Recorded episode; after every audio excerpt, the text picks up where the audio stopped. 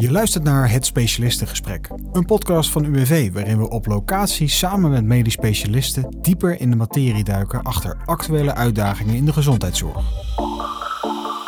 Deze aflevering gaan we praten over MS, hoe je met MS-patiënten communiceert en hoe de toekomst eruit ziet.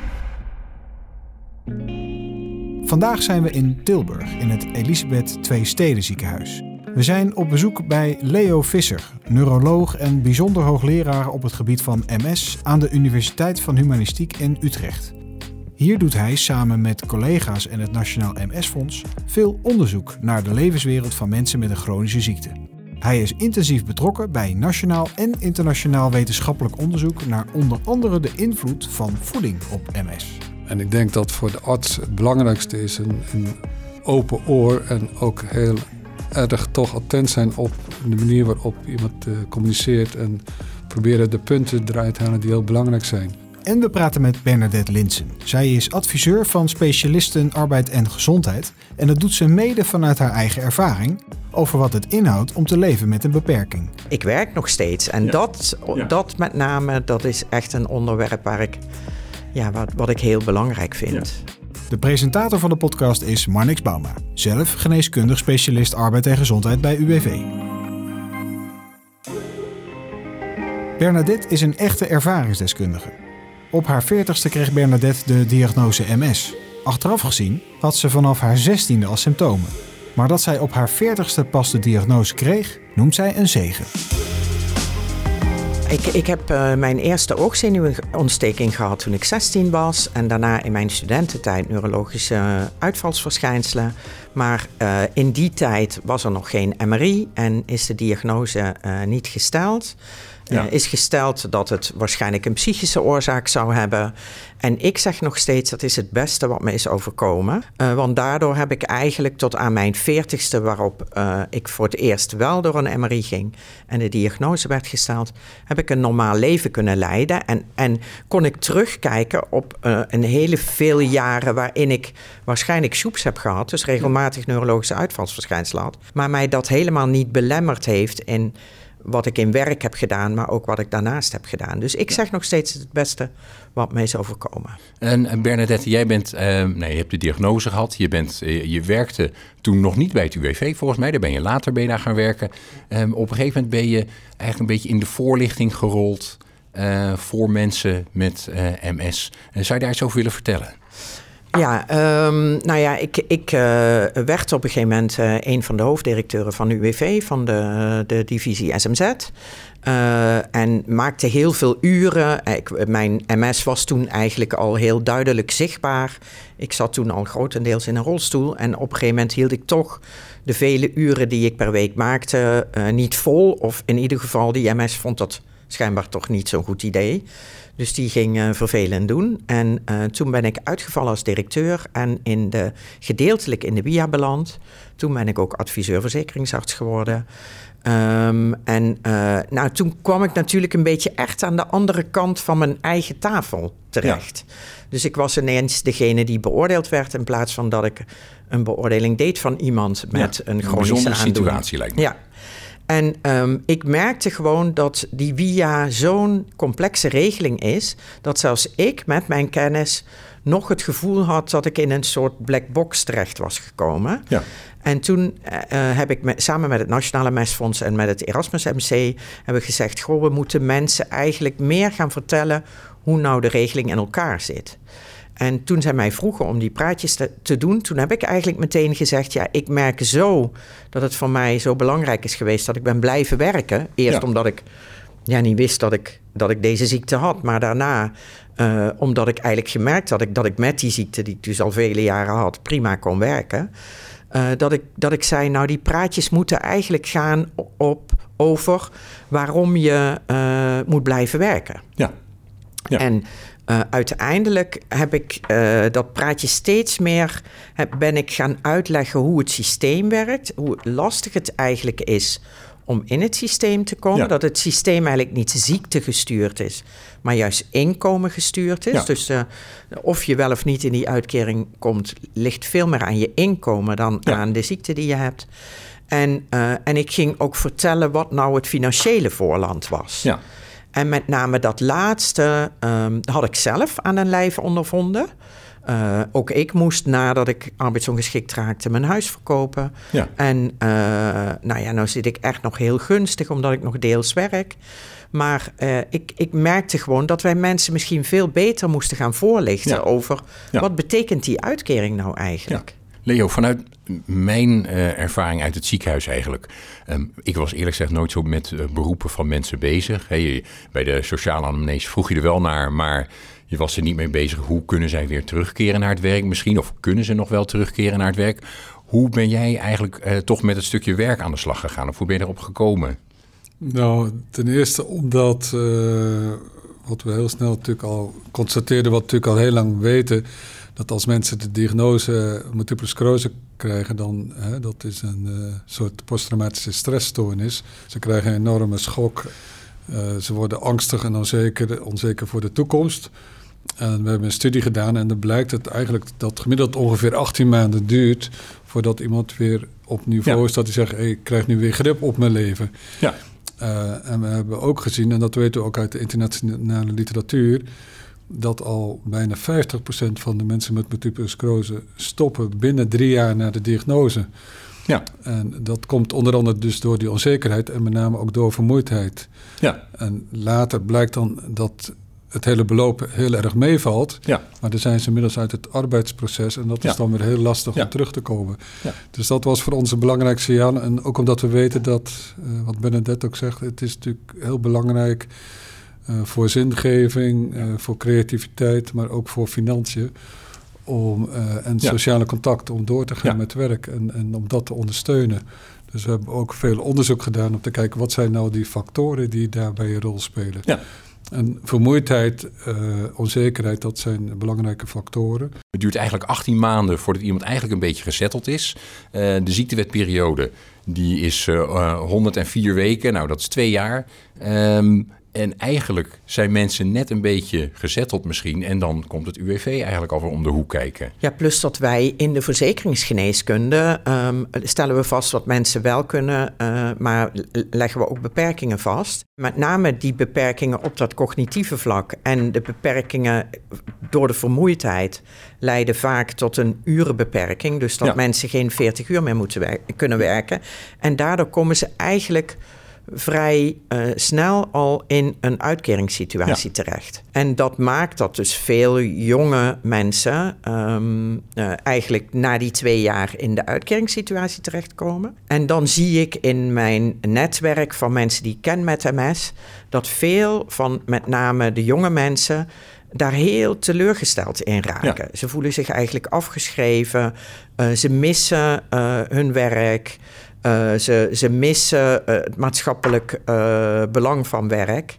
En, en, en je ziet dat ze het veel, heel moeilijk vinden om dan terug te stappen. En wat ik dan zie, is dat mensen uiteindelijk um, ja, echt gewoon bijna net zoveel uren werken in vrijwilligerswerk of allerlei andere taken ja. dan ze vroeger in werk deden, eh, maar hun financiële situatie veel slechter is ja. dan toen ze nog werkten als ik mensen met MS op mijn spreekuur krijg, vaak vallen de, bijvoorbeeld echt de, neurologische restklachten, die vallen best wel mee. He, mensen herstellen toch uh, vrij redelijk vaak van een sjoep. He, meer dat inderdaad de, uh, de, de inspanningsduur uh, bijvoorbeeld van het gebruik van arm of been minder is, maar, maar qua coördinatie en dergelijke um, valt het mee. Maar wat vooral op de voorgrond staat, is die vermoeidheid.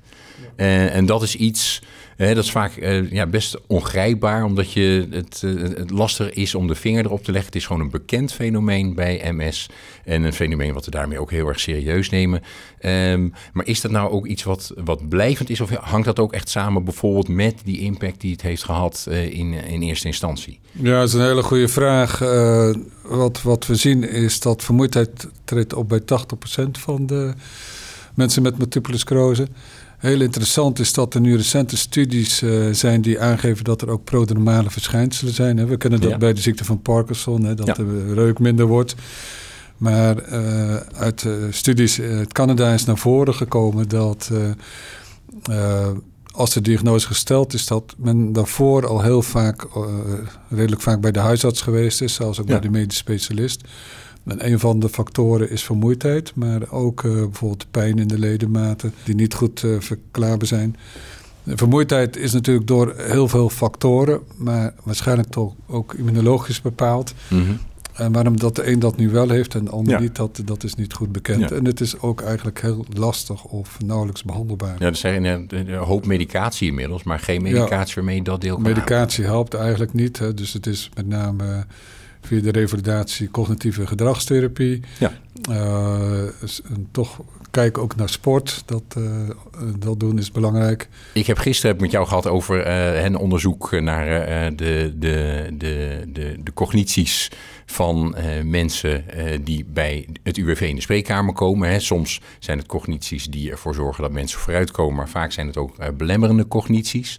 Mm -hmm ik moest daarbij heel erg denken aan de voorlichting die jij geeft. En dat het eigenlijk een andere voorlichting is dan, dan dat ze in eerste instantie uh, voor ogen hadden. Hè, waarbij ze dachten, nou kan je wat vertellen over de via. En dat jij eigenlijk juist heel erg ging op het stukje werk, hoe belangrijk het is. Um, hoe, ja, hoe, hoe, staan de meeste patiënten er eigenlijk in waar jij uh, contact mee hebt gehad? Um, ja, eigenlijk veel. Ik, ik spreek heel veel mensen die uiteindelijk afgekeurd zijn. Dus bij ons echt in de volledige uitkering zitten. En die daar erg mee worstelen. En die mhm. eigenlijk dus heel graag zouden willen werken. En het dan moeilijk vinden om terug te stappen. Daar zit ook in de wetgeving nog wel een hiaat, vind ik. Want dat terugstappen, dat, dat, um, dat kan eigenlijk vrij veilig. Dat leg ik ze dan ook mhm. altijd wel uit. Maar uh, helemaal 100% veilig, dat ze altijd beschermd zijn als ze weer opnieuw uitvallen. Ja.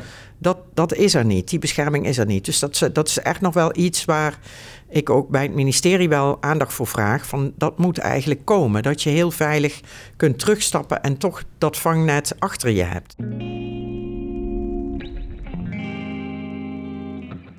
Je hoorde het al eerder. Leo Visser is een autoriteit op het gebied van MS. Hij doet veel aan onderzoek en ontwikkelde zelfs het platform Better Today. Met de app Digitale Buddy, boordevol ervaringsverhalen en wetenschappelijk onderbouwde kennis over voeding, bewegen, mentale gezondheid en relaties, speciaal voor MS-patiënten. En hij schreef het boek Menselijkheid in de Zorg, waarin hij schetst hoe slechte communicatie begint, maar vooral ook hoe het beter kan. Leo, ik vind de digitale buddy vind ik heel erg leuk. Ik uh, ben ingedoken. Er zijn heel veel onderwerpen uh, die jij denk ik heel belangrijk vindt uh, voor mensen met MS. Hè, waar ze op moeten letten. wat ze vooral wel moeten doen en wat ze niet moeten doen. de, de tiny tasks geloof ik. De tiny habits, die erin staan. Ja, ja, ja. Um, wat zijn nou de, de, de, hoe heb jij die app vormgegeven? Of wat vind jij belangrijk waar mensen op letten of bewust van zijn? Ja, die digitale buddy is ontwikkeld op, op basis van al die onderzoeken naar patiëntenperspectief. Uh, die, die, verschillende facetten die naar voren kwamen. En dat je dan ook als neuroloog realiseert van patiënten komen naar het ziekenhuis. Hè, dat is zo'n drie keer per jaar. Maar er zijn natuurlijk veel vaker vragen. Je ziet de mensen strijden om weer grip te krijgen op hun leven na de diagnose. En hoe kan je daar dan beter in helpen? En dat kan, mijn zinziens, door een stuk digitalisering. En dat is een lang proces. En, en dat je dus uh, een webinar houdt van hoe kom je zelf in je kracht? Hè? Wat is voor jou belangrijk? En hoe, hoe, kan je dat tot stand brengen? Dus dat mensen daar ook goed over nadenken.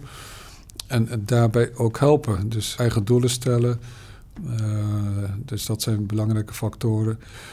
Uh, nou, met name dus het stukje grip krijgen op, op je eigen leven. En, en hoe doe je dat en hoe kan je dat bereiken?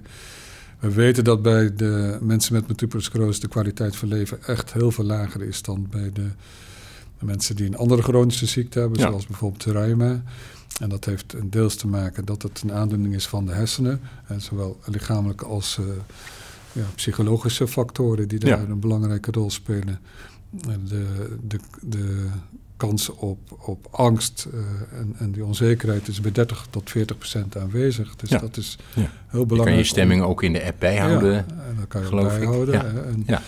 En, dan, en we zien ook dat als mensen die tools krijgen, eh, dat dat, dat, dat ook beter wordt. Uh, Bernadette, hoe kan het UWV mensen met MS helpen? Het UWV zou mensen met MS enorm kunnen helpen door... Um, ja, eigenlijk eh, in die beoordeling wel echt die, die klachten die er zijn. ehm, ehm, ja, heel serieus te nemen. Maar ook eh, op een of andere manier mensen helpen. Bijvoorbeeld met tools als de positieve gezondheid of leefstijlinterventies. Om ehm, ja, hun leven weer op de rit te krijgen. perspectief te bieden. Ja, een perspectief te bieden, ehm, goed verwachtingen te managen. Dat is heel belangrijk. Wat houdt die uitkering nou eigenlijk in? En dat vroeg in de eerste twee jaar dat ze ziek zijn.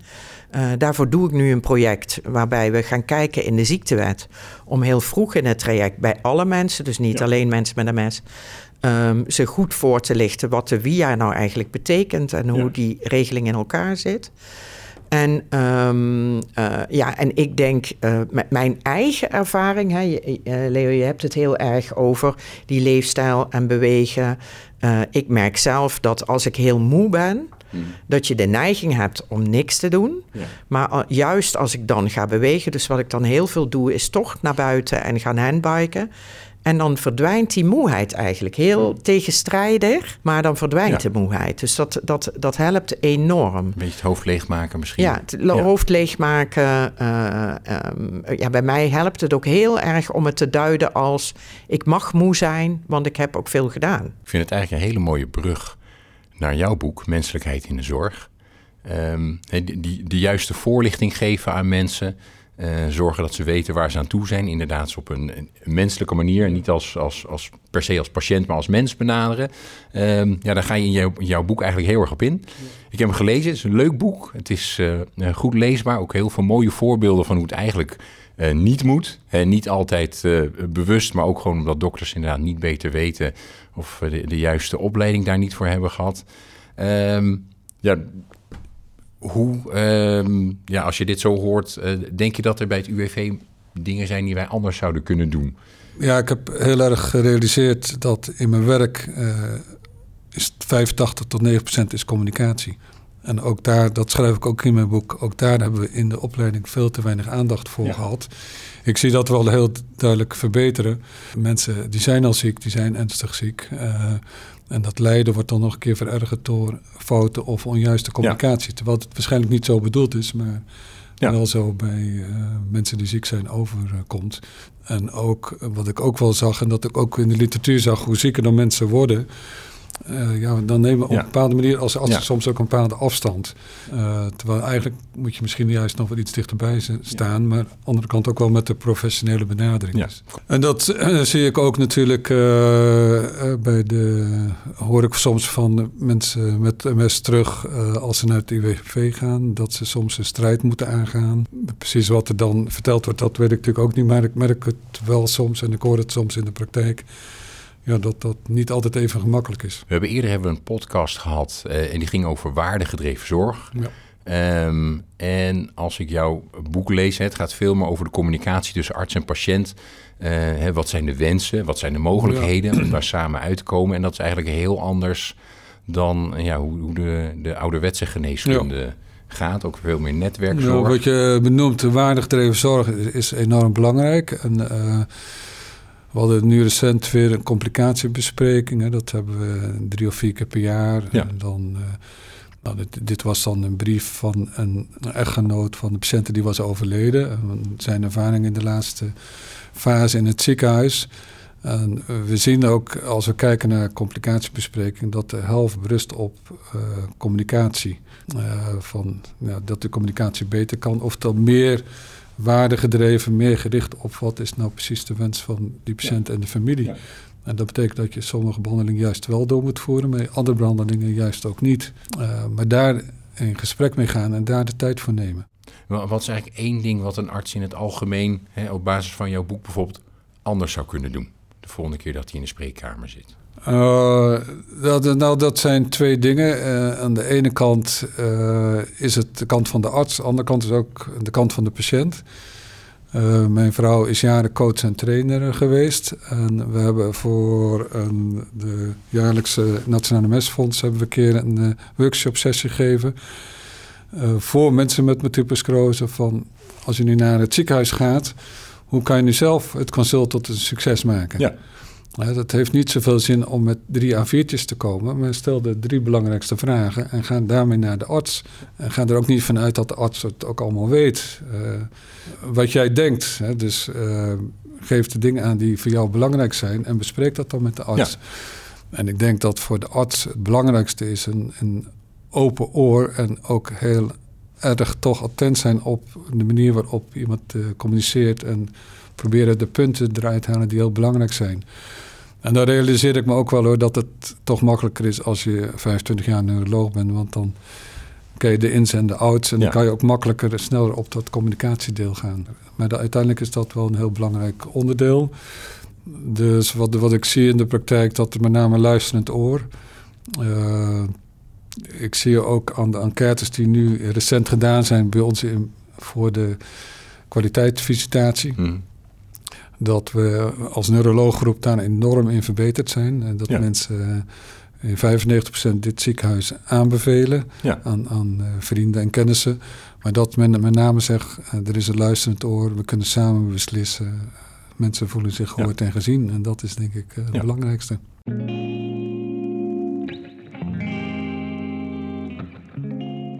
Hoe zien we de toekomst?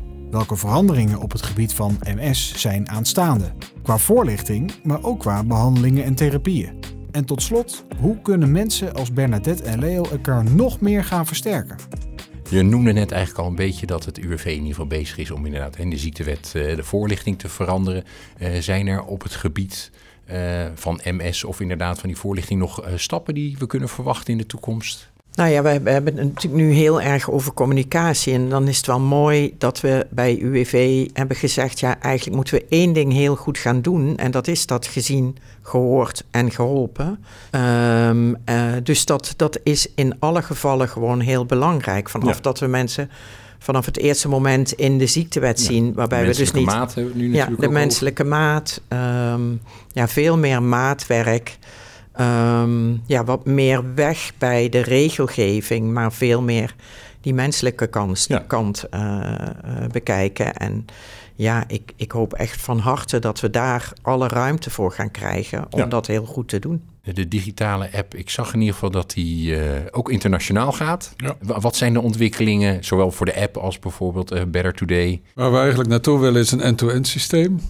Dus dat, je aan de ene kant heb je het uh, medische platform. Uh, we zijn, ik ben nu een pilot aan het doen hier in het ziekenhuis. Uh, in Duitsland is er een NTD, dat, daar zijn 60 ziekenhuispraktijken aan verbonden, neurologische praktijken. En die leggen bijvoorbeeld bij multiple het klinisch beeld vast. Hè. Dus de EDSS-score, is de MRI stabiel, zijn er geen terugvallen, welke medicatie wordt gebruikt. En dat willen we eigenlijk koppelen met het patiëntenplatform, dan de digitale buddy, waar leefstijlfactoren uh, komen, uh, deel van de monitoring ja. uh, en dat bij elkaar brengen. En dus op die manier de kwaliteit van leven verbeteren. Aan de andere kant is natuurlijk dat er heel veel ontwikkelingen zijn geweest ten aanzien van betere therapieën. Dus dat is natuurlijk ook heel anders dan 20 jaar geleden. Inmiddels kunnen we kiezen uit 13 middelen van is de, is de vorm agressief, dan ook snel gelijk agressief behandelen. Tot mensen met een relatief lichte vorm dan of zelfs niet behandelen. 20% van de mensen met multiple sclerose hebben geen uh, chronische behandeling nodig. Uh, maar die kunnen dat doen met alleen leefstijl. Maar dat is wel uh, goed om dat heel nauwkeurig te vervolgen. Het probleem is natuurlijk als mensen geleidelijk aan achteruit gaan. Dat gebeurt wel veel minder dan vroeger door de mhm. huidige medicatie. Daar zijn nog weinig uh, nieuwe therapieën voor en daar wordt nog wel veel onderzoek naar gedaan. Met alle, alle middelen die we nu hebben, kunnen we 50% van de mensen met de mes stabiel houden. En, en wat we net zeiden, vermoeidheid, uh, relatie met werk. Ja. We zien ook dat die immunomodulerende therapieën, als die gegeven worden en ze worden een tijdje gebruikt, dat je ook dan de vermoeidheid wel ziet afnemen. Okay. Dus daar heeft het ook een effect op. Hoe kunnen wij elkaar um, ja, in deze ontwikkeling nog versterken? Ja, ik denk dat wat heel belangrijk is, is dat wij als behandelaren en, en uh, verzekeringsartsen, dus als neurologen en verzekeringsartsen, elkaar gaan vinden. Hmm. Uh, in de zin van dat wij goed luisteren naar die neuroloog, wat hij ziet bij deze patiënt.